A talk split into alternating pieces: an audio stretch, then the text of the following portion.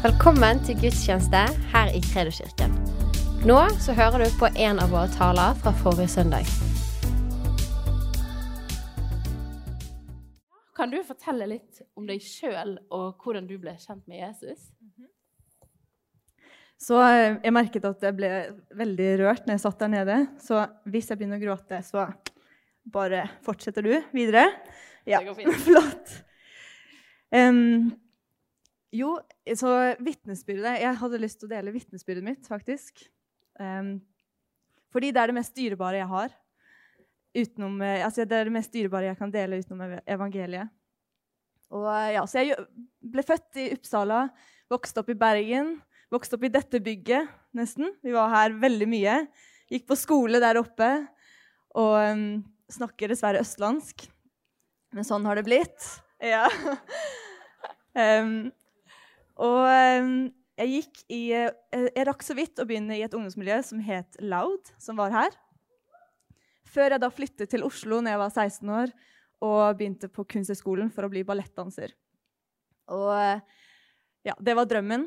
Og når jeg kom til Oslo, så hadde jeg en plan om å egentlig frelse skolen. Sant? Jeg var klar. Ett år. Gi meg et år, så er alle frelst. Jeg var veldig brennende og um, elsket Jesus. Og, men skjønte fort at det, det jo, eh, tar jo litt lengre tid noen ganger. Eh, men så, etter hvert, så reiste jeg rundt og prøvde å få jobb som danser, og fikk jobber her og der. Til slutt så endte jeg opp i drømmebyen eh, San Sebastian i Spania som var drømmejobben, og jeg elsket å være der og fikk lære meg spansk. Og, ja. Men eh, det som skjedde der, var at eh, jeg ikke hadde noe fast sted å gå, sånn som her. Det var ikke noen kirke som jeg tilhørte der. Og mm, jeg merket at troen min ble mer og mer sånn Hva skal jeg si? Lunken, kanskje. Og når jeg da skulle fortelle om Jesus, så var det også som det var stein i munnen min. For det var, det var ikke ekte for meg lenger. Og jeg, jeg skjønte plutselig ikke når jeg skulle fortelle om Jesus, plutselig skjønte jeg egentlig ikke hvorfor han døde på det der korset. Hva var det egentlig som skjedde? Og Det er veldig vanskelig å fortelle om noe når du ikke tror på det så mye selv. Og så fikk jeg også en kjæreste der, nede som syntes det var veldig søtt at jeg trodde på Gud. Han oppmuntret meg liksom til det, men han syntes det var bare koselig. liksom. Så, men han hadde veldig mange gode argumenter for at Gud ikke eksisterer. Og jeg begynte vel egentlig bare mer og mer å tvile på om at det var sant. Og um, så er det jo sånn, det kommer til et punkt der du skjønner at ok, nå tar jeg faktisk et valg. Enten så følger jeg Gud, eller så gjør jeg det ikke. Og da ropte faktisk, fant meg et sted og ropte til Gud. Jeg var ganske desperat. Eh, på kne og ropte at hvis du fins, da vil jeg følge deg for resten av mitt liv. Da vil, jeg, da vil jeg gi alt jeg har, da vil jeg gi dansen min til deg. Men hvis du ikke fins, så kan jeg fortsette å bo her. Jeg har det ganske bra. Jeg har det greit. Men, jeg, men hvis det ikke er det her livet du har for meg, så, så vil jeg ikke det her. Og eh, det eneste jeg klarer å forklare det med, hva jeg opplevde, er egentlig dette bibelverset, Jesaja 58. Da står det Da skal du påkalle, og Herren skal svare. Du skal rope, og han vil svare. Her er jeg. Det var egentlig det jeg opplevde. At Gud bare Man klarer faktisk ikke å forklare det med ord. Men her er jeg. Gud sa, 'Her er jeg, og jeg har noe annet for deg enn dette'. Og jeg visste at jeg visste at jeg visste at jeg er på feil sted. Jeg må bort herfra. Og um, endte opp, for å gjøre historien kjempekort, endte opp plutselig i Oslo en måned senere. Det her er januar 2015. Februar 2015 var jeg i Oslo og hadde ingen steder å bo. Og visste ikke hva jeg skulle med livet mitt. Treffer en eh, jente, en venninne, gammel venninne, som spør meg hva vil du med livet ditt nå. da? Så sier jeg nei, jeg vet egentlig ikke helt. Jeg vil bare danse og fortelle om Jesus til ungdommer rundt i Europa, sa jeg. Um, og hun ble jo helt rar i fjeset og ble sånn hvit. Hun, og kjemperar. liksom, det, hva, hva skjer? Hun bare Nei, jeg bare kom til å tenke på at uh, du vet, eh, altså Det er jo en sånn gruppe som driver og ber om eh, dansere til en sånn konsert som de skal reise rundt i Europa og fortelle om Jesus. De heter Jesus Revolution. Jeg var, mm, det hørtes veldig likt ut, men nei, det er ikke det. Det er ikke det det skal være. For jeg liker ikke så godt den måten de forkynner på og sånn, tenkte jeg. Eh, men eh, veldig lang historie kort igjen. Der endte jeg opp. Det var akkurat der jeg skulle være. Og det var der Sebastian og Natalia ble kjent med de fra Jesus Revolution. Og begynte da på denne bibelskolen, og vi fikk reise rundt og forkynne evangeliet. Sykt kult. Ja. Wow.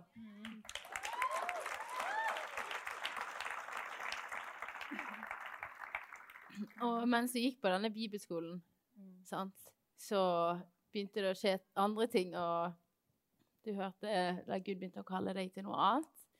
Så kan du fortelle litt om det, og hvordan du endte opp som ungdomspastor her i Kredo Ung? Så er Gud er i detaljene. Ja. Så jeg tenkte at jeg skal fortelle litt detaljer. Er det greit? Så bare prøv å henge med. Jeg skal prøve å holde meg kort og Ja.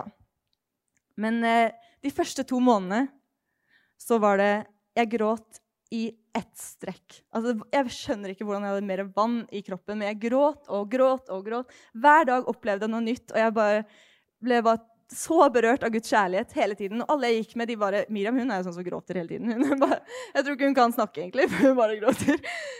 Um, og um, fikk virkelig møte Jesus og hans kjærlighet. På, ja, jeg har aldri opplevd det på den måten før. Og det, jeg husker spesielt én situasjon der jeg bare følte at jeg måtte be. Før var det en liten, det var liksom plikt, kanskje, det man burde be. Men da var det jeg bare måtte, jeg bare gledet meg til å be. og Jeg kom hjem, fant et rom og ba i flere timer. Lå på gulvet, ga mitt liv til Jesus igjen og igjen og igjen. Og bare 'gjør hva du vil'. og det var ganske Det var Ja. Og så Den uken etter det skjedde, så husker jeg at jeg hadde ingen menneskefrykt. Jeg fortalte alle om Jesus på trikken, på butikken. Altså hadde, det var munnen min bare liksom Jeg var 'Hei, har du hørt om Jesus?' Har du hørt om Jesus? Det var helt, jeg var så forelsket i Jesus, og fortsatt er det. Og um, så um, Ja. Så skjedde det en natt at jeg fikk en drøm om at jeg sto og prekte her, på denne scenen her. Og jeg må innrømme at jeg bare lo og syntes at det var ganske komisk. fordi jeg er egentlig ganske redd for å stå foran folk og snakke. Og tenkte at det kommer aldri til å skje. Og da tenkte jeg én preken. At jeg kanskje en eller annen gang i livet skal preke én gang her. Jeg tenkte nei, det kommer ikke til å skje. Veldig morsomt, Gud, men nei. Og så Dette er 2015 fortsatt. Sant? Dette er bare et halvt år etter at jeg bare gir livet mitt til Jesus. Og så får jeg plutselig en fornemmelse av at jeg skal ha en fest. Jeg skal arrangere en fest i Bergen jeg, i juleferien. Og jeg spør Gud er det til ballettvennene mine, er det de jeg skal fortelle om Jesus til, eller er det, er det klassekameratene mine. Og så ber jeg en kort bønn. Hvem er det? Lukker øynene. Det står 'Loud' foran øynene på meg. Skrevet. Aldri fått et bilde før, men det sto 'Loud', det som ungdomsmiljøet her het før.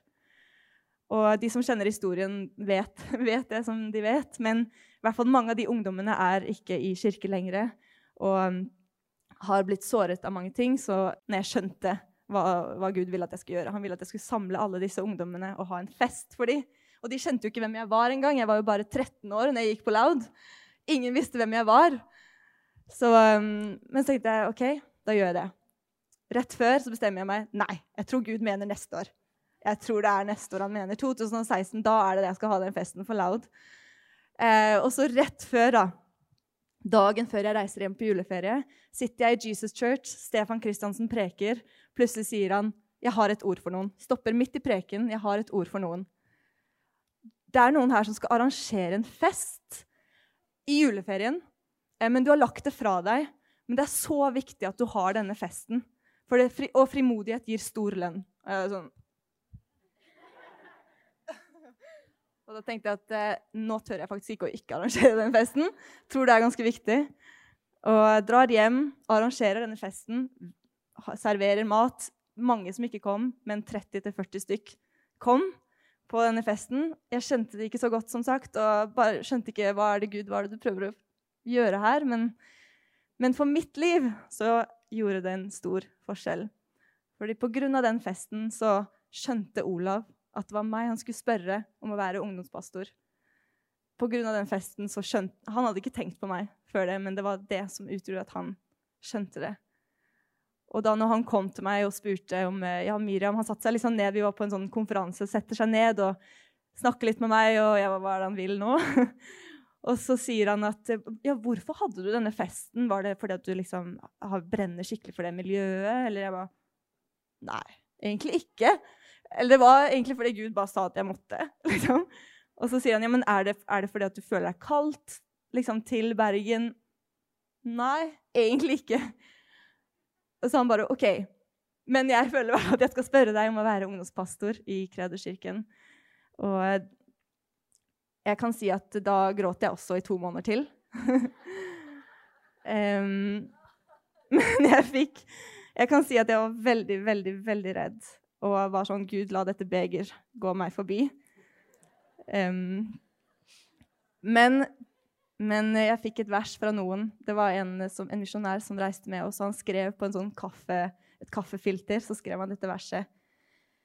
De som kommer fra deg, skal bygge opp igjen de gamle, ødelagte stedene. Du skal reise opp igjen de grunnvollene som har tilhørt slekt etter slekt. Du skal kalles den som setter bruddet i stand, og den som, bygger, den som bygger veiene opp igjen, så det blir mulig å bo der. Eh, det jeg skjønte, var at Gud, du vil at jeg skal dit tilbake igjen, og vi skal bygge sammen det som er ødelagt. Um, ja.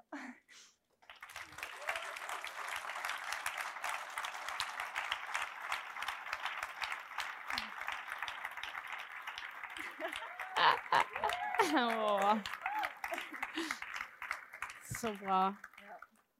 Men eh, det som eh, jeg vil fortsette med nå, det er bare Det er så mange ledere som har, Gud har sendt, så det har aldri stått aleine. Sånn. Altså, det er så mange fantastiske ledere med meg.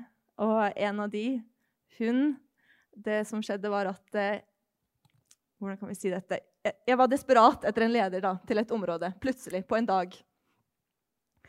Og eh, jeg tenkte Gud, hva skjer nå? Jeg vet ikke hva jeg skal gjøre. Men så tre netter på rad så drømmer jeg om en jente som heter Maria Rønnovde. Og jeg er sånn Jeg kjenner ikke Maria noe godt i det hele tatt. Hvorfor drømmer jeg om hun tre netter på rad? Våknet opp, og så spør jeg mamma, og hun sier ja, men du kan jo kanskje spørre hun da om det er noe spesielt.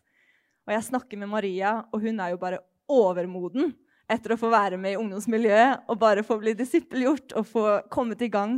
Hun skal fortelle mer om det nå. Eh, men det er fantastisk å få gjøre det her sammen med Maria og med Huni og Christian og Anna og Anette, som er i lederteamet nå. Og vi er bare Ja, det er så gøy. Dere ser jo det. Vi har det jo kjempegøy. Så. Så ja, det var det jeg skulle dele i dag, Ja. tenkte jeg. Tusen takk, Miriam.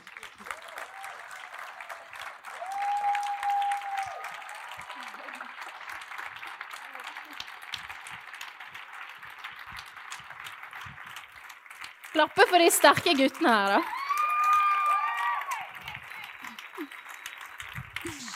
Sykt bra. Tusen takk, Miriam og Celine og Samuel. Det er bare helt fantastisk å høre litt, og så kjekt å bli litt bedre kjent med ungdomsmiljøet. sant? Vi er jo én familie, så det er liksom noe av det vi ønsker for denne dagen, er også at dere skal bli litt bedre kjent med oss. Um, og noe som er veldig spesielt, da, faktisk, det er at um, min Det er 5. mars, det er jo på torsdag. Det er faktisk min bursdag. altså, da har jeg vært frelst i tre år. Og det syns jeg var veldig spesielt. Og siden det er søndag i dag, så føler jeg at det egentlig er tre år siden akkurat i dag at jeg ble frelst. Og det er jo helt sykt. Jeg visste ikke at jeg skulle stå her før for en uke siden. Så jeg visste jo ikke det. Sant? Og jeg visste faktisk ikke engang at det var bursdagen min. Jeg bare begynte å tenke er det egentlig bursdagen min? Og så måtte jeg lete på masse meldinger og finne ut ja, det er faktisk bursdagen min denne søndagen. Det, det er veldig Det er bare Gud som vet sånne ting og fikser det. Så det er skikkelig vitnesbyrd. Eh, og jeg vet ikke, Det er sikkert mange som vet det, og mange som ikke vet det. Men jeg er jo i hvert fall datteren til pastoren i denne kirken, Olav og Tanja Rønnovde. Eh, og eh, jeg er også oppvokst i denne kirken. Og allerede når jeg var 15 år, så gikk jeg vekk fra Jesus og begynte å feste og bare var helt uinteressert i alt som hadde med Jesus å gjøre. Og eh, det tok ikke lang tid før jeg benektet han 100% og var bare helt ateist og lo av kristne. Jeg syntes kristne var håpløse. Og jeg syntes at mamma og pappa var de eneste normale kristne, tenkte jeg. Ellers er andre de er bare spesielle. Så jeg var ganske langt vekke fra Gud og var ja, Dere ville sikkert ikke tro det når dere ser meg nå, men det er helt sant. Um, og så gikk jo livet sin gang, og det var Jeg begynte å kjenne på en stor tomhet. Og noe som gikk igjen, en setning som gikk igjen hos meg da, etter jeg hadde fått utdanning. Jeg jobbet som sykepleier. Så jeg hadde tatt utdanning og kjøpt meg leilighet og liksom holdt på med dette. Og jeg bare kjente Gud, er dette livet? Jeg var bare så utrolig sånn, jeg var så skuffet over livet. Hvordan livet var. For jeg trodde livet var så mye mer enn det. For da hadde jeg liksom kommet langt. sant? Jeg hadde jo gjort alle disse kule tingene og reist masse. Vi gjorde masse gøy. Men fortsatt var jeg bare så tom. og var sånn, Skal jeg virkelig leve sånn her i liksom 50 år til? Da var jeg 25 år når jeg tenkte dette. Og bare tenkte sånn Å, kanskje jeg får kreft eller noe, så jeg kan dø, liksom. Jeg var bare sånn, jeg tenkte dette er meningsløst. Jeg orker ikke det her. Men jeg trodde selvfølgelig ikke at Jesus var redningen, for jeg trodde jo ikke på Jesus. Så jeg tenkte at det på en måte blir jo enda tyngre å bære. Det blir jo bare slitsomt å gå inn i en sånn religion, og det var utrolig slitsomt. Det var helt uinteressant. Og så fikk jo mamma sin, eh, sitt møte med Gud i 2015, og så begynte Rebekka å følge Jesus eh, ordentlig i 2016 og snudde på livet sitt.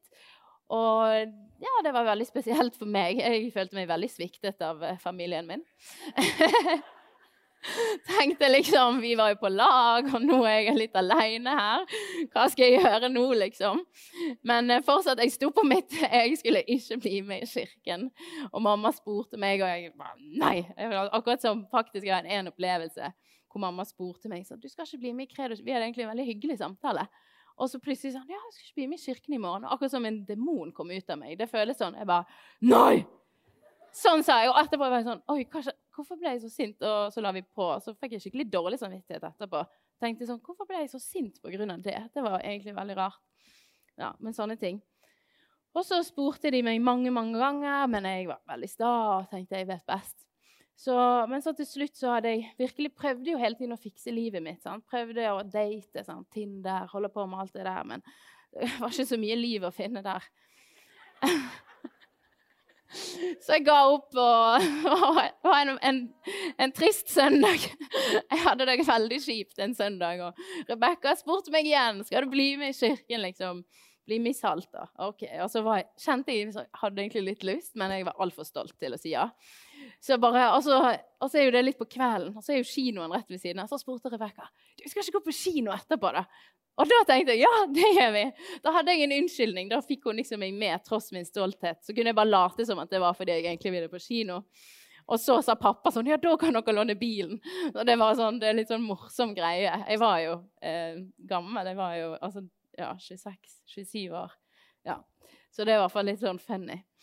Men i hvert fall så tok jeg imot Jesus eh, på ett møte, og, så, eh, så, dro jeg på et møte til søndagen etterpå. Tok med meg en venninne fra oss som var på besøk hos meg. Og så plutselig fikk Sten Gjerme et uh, ord for meg. Midt i salen, rett før møtet var ferdig, så hadde alle øynene lukket, og han skulle be frelsesbønn. Og rett før han gjorde det, så sier han nei, vent litt. Det er en jente her inne i dag, og du har vært veldig lenge vekke fra Gud. Det er på tide å komme tilbake. Og jeg satt langt vekk langt bak. Jeg hadde hette på meg. Jeg var liksom sånn. Og idet han bare sa sånn 'Vent litt', så bare var jeg sånn Følte at spotlighten var på meg. Det var sånn, jeg bare, 'Nå skal han si noe til meg.' Jeg visste det bare. Og jeg bare begynte å grine. Sto liksom der, sto på en måte sånn og holdt meg litt fast, for jeg ble sånn svimmel og rar i kroppen. Og begynte å grine. Og, og bare sånn Hva skjer? Hva skjer? Hva skjer? Og, og, så var vi ferdige, og jeg bare tørket tårene. Og hun venninnen var latet som ingenting til venninnen min. Og bare vi kom oss ut derfra fort. Hodet mitt var så fullt av tanker, og jeg skjønte hva var det for noe. Og så rett etterpå så bare var jeg sånn, spurte jeg om du, eh, Kan du bare hør, Han sa det her, og jeg følte skikkelig han snakket til meg. Er du enig, eller hva tenkte du?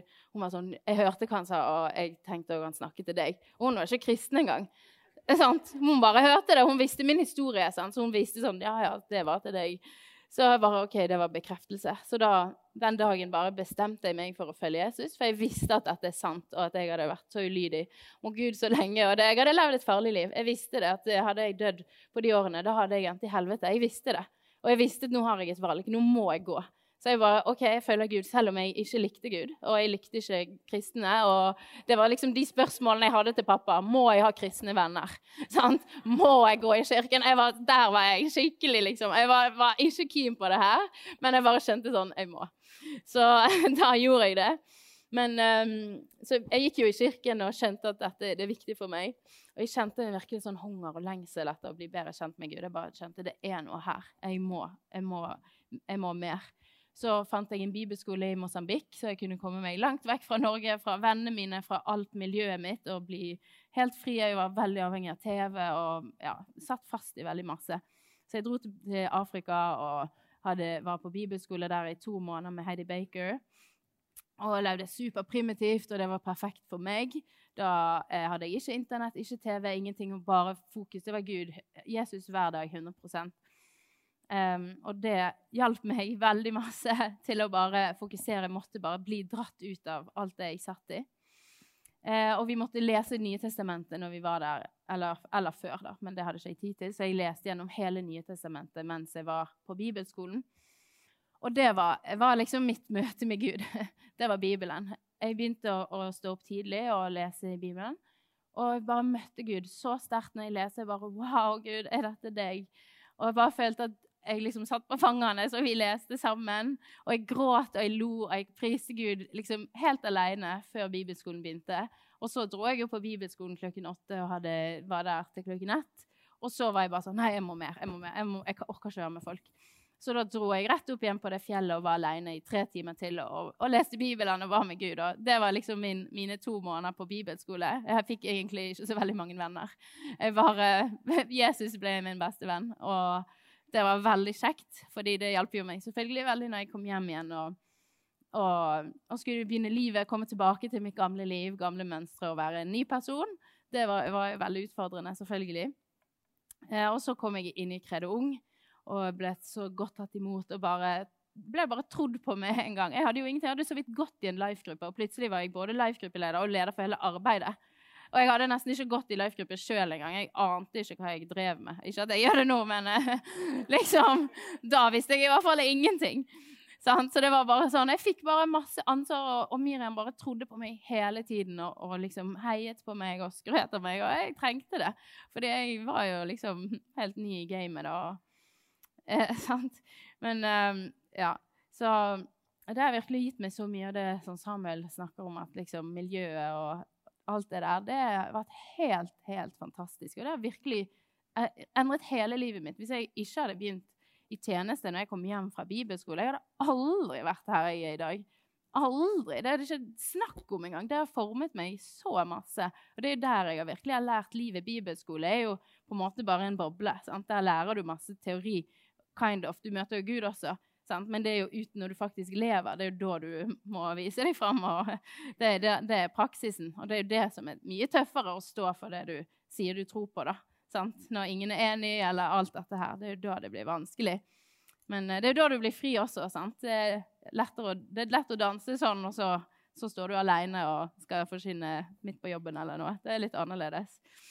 Um, men det er jo det vi alle er kalt til. sant? Vi er faktisk alle kalt til å være med på dette gamet. Det er ikke sånn at uh, det er bare noen få som skal det. Det er faktisk alle vi som sitter her, er kalt til å være med. Og jeg liker å se på det litt som en, en, en fotballkamp og fotballspillere. da, Hvis liksom, en fotballspiller gidder på en måte ikke å trene veldig masse for å bare sitte på benken og se på kampen hele tiden. Han har lyst til å bli med på kampen og spille. sant? Men hvis han bare er på benken, da gidder han jo ikke å trene. Da trenger han jo ikke å trene eller noe. Sant? Så da blir det jo litt sånn Så det er litt sånn, føler jeg, med oss kristne også, da, at hvis vi på en måte bare sitter og lytter og tar imot, men, men aldri på en måte putter det ut i praksis, ja da, da Man har egentlig ikke behov for all den teorien. Man får jo aldri brukt det uansett, sant. Um, og jeg tenkte at vi kunne bare uh, slå opp sammen uh, For jeg liker jeg, jeg, er veldig glad i Bibelen. Og jeg har alle med seg Bibelen sin? Så bra. Så var det i hvert fall, hvert fall 15 stykk. det er veldig kjekt å slå opp i Bibelen og gjøre det sammen, syns jeg. da. Eh, så jeg tenkte at først så kunne vi slå opp i Matteus 16, eh, vers 23. Og hvis du har bibelappen, så er det selvfølgelig godkjent. Men eh, derfor så Ja, vi tok det opp der. Jeg tenkte at vi ikke skulle jukse.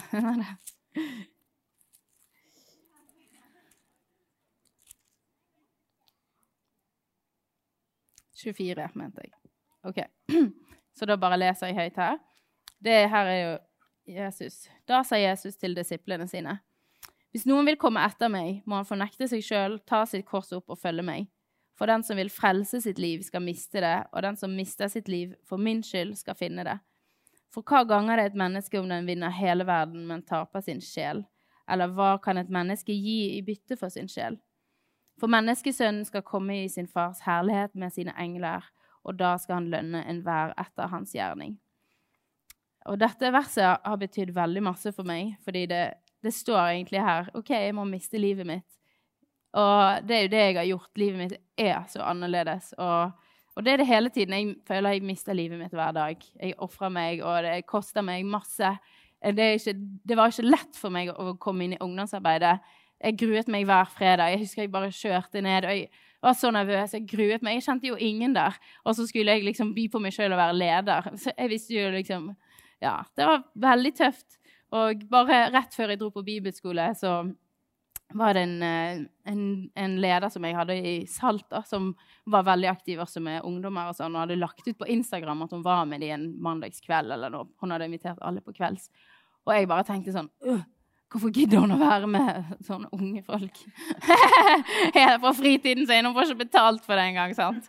Det tenkte jeg. Sånn, hun var på min alder. Og, det, var, det, var, liksom meg. Og nå er jeg som bruker hele vinterferien min på det. Liksom, hver kveld. Jeg bare elsker det. sant? Så det er veldig morsomt hvordan Gud forandrer hjertet. sant? Du tror liksom at du ofrer trodde at jeg ofret noe og mistet livet mitt, og så finner jeg det jo. Jeg hadde jo mye gøyere nå enn jeg hadde det for tre år siden og to år siden. Og, altså, nå elsker jeg livet mitt hver eneste dag, og jeg er så takknemlig for det jeg får lov å være med på. Og det gir meg mye mer enn noe annet. Jeg har jo vært, gjort masse forskjellig, så jeg vet at det, det Jeg kan ikke bli lurt igjen, for å si det sånn. Jeg har blitt lurt en gang, så nå er jeg eh, all in. Og jeg er villig til å miste hele livet mitt for Jesus. Og det er virkelig der vi finner livet. Og det er et skikkelig bedrag at vi skal på en måte ha kontroll og, og, og finne ut av det sjøl. For selvfølgelig kjenner jo Gud oss bedre enn vi kjenner oss sjøl. Han har jo skapt oss. Um, og det er på en måte, det er da du også utvikler deg og blir kjent med hva Gud har lagt i hjertet ditt. Og, eh, og, bare for å sette et bilde på det, da, så er det liksom Hvis du tenker deg et solsikkefrø, så er jo det helt grått og lite. Det er kanskje så lite. Det er grått og kjipt. Ingen ville, Hvis det hadde ligget her, det er jo ingen som hadde vært sånn Å, for et flott eh, frø. Sant? Du går forbi det, du tenker ikke over det. Sant? Men det har potensial til å bli en veldig fin solsikke, som faktisk kan bli opptil fire meter. Det er jo helt fantastisk. Sant? Men det er veldig stor forskjell på en lite frø og den store solsikken. Men for at skal, for at det skal bli en solstikke, så må det skje en prosess. Og solstikken må faktisk begraves og dø. Bli helt vekke, dø og utvikle seg og forandre seg veldig, veldig masse. Se helt annerledes ut. Og det er liksom vår prosess også, da, med å miste livet. At vi bare vi dør. Gir opp, liksom. Nå jeg driter i å bli fornærmet? Og, og bare tenke på meg sjøl hele tiden og min egen komfort. Sant? Men er bare OK, jeg går ut av komfortsonen. Det er jo der vi finner livet. Jeg er jo ute av komfortsonen. Og hvis vi tror at Gud liksom, Hvis vi venter på at Gud skal liksom gjøre ting i livene våre, men vi stepper aldri ut Vi trenger jo ikke Gud. Det er det som er tingen. Du har ikke behov for Gud hvis du alltid bare er i komfortsonen din. Sant? Gud trenger jo at vi stepper ut sånn at han kan vise seg. Og det er virkelig Det er liksom det jeg noen ganger tenker på. For det, liksom, vi snakker jo veldig masse om gjennombrudd og, og, vekkelse og disse tingene. Og det skal vi ha, men det er faktisk ikke en apatisk handling. Det er ikke sånn at vi skal sitte sånn og vente, eller kan noen be for meg, og så får jeg et gjennombrudd. Sant? Vi har faktisk Gjennombruddet, det er her. Hvis du, hvis du leser denne boken og la deg bli forvandlet La Guds ord tale til deg, ikke bare som en, som en sånn åh, nå må jeg lese fordi det er jo bra for meg, jeg må lese Bibelen, sant? Og så OK, ferdig, da kan jeg gå dagen. Men sånn OK, hva står det her? Å ja, sant? Det blir speilet vårt, sant? Er det dette meg? Det er visst ikke det. OK, sant? Vi er jo veldig glade. Så jeg i hvert fall pleier å se meg ganske masse i speilet hjemme. sant? Jeg må jo se om jeg har noe rart her. sant? Og det må jo vi med Bibelen òg. Er det noe som ikke stemmer helt? Ok, da må, da må, vi forandre på det. sant? Da må vi la Guds ånd ordne opp i det. Men hvis vi aldri leser det, vi vet ikke, da vet vi jo ikke hvordan vi egentlig skal se ut. Sant? Hvis du lurer på hvordan Guds stemme høres ut, eller hvordan, om, hvis du vil bli mer lik Gud, så må jo du vite hvordan han ser ut. Det vet du jo ikke bare av fantasi. Det står her. Han har jo skrevet en bok til oss. Sant? Så det er på en måte Alt du trenger, er her. Og det er vårt valg, faktisk. Alle skal arbeide på sin egen frelse, står det. Vi er alle like ansvarlige, og det er ikke den personen som står her. Sant? Det er alle like ansvarlige sjøl, og tingen er at det er da det blir gøy å være kristen. Det er det som er liksom Man tror at det liksom Å, må bruke så mye tid på Gud. Jeg ser ikke på TV engang nå. Jeg har ikke tid til det. Det er så kjedelig. Jeg vil mye heller være med Gud. Og det er ikke fordi jeg er religiøs, og, sånn, men det er bare sånn Jeg er forelsket. Sant? Hvis du er forelsket, så bruker du tid med den personen, og du gidder ikke. Du er ikke Ja. Så det er, bare, det er så enkelt som det. da. Vi gjør det så sykt vanskelig ofte å være kristen, og det er så mye handlinger. Det er jo bare en relasjon med pappaen din.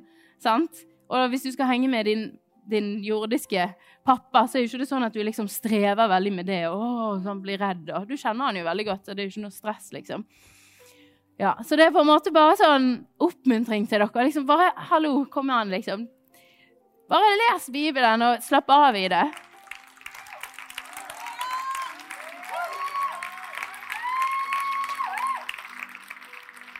Da skal jeg love deg at vekkelsen kommer. Hvis alle her Gjør det. La dette bli speilet. Da skal vi se vekkelse. Uten tvil. Men det er en aktiv handling. Det er, ikke, det er ikke noe passivt som vi kan vente på. sånn. Det er noe vi gjør. Tro uten gjerning, det er faktisk dødt. Det kommer herfra. Det er ikke meg som sier det. yes. Så det var, tror jeg egentlig det var det jeg um, hadde lyst til å dele i dag. Så da skulle Anna Tusen takk for at du lyttet. Følg oss gjerne på Instagram og Facebook, og så snakkes vi neste uke.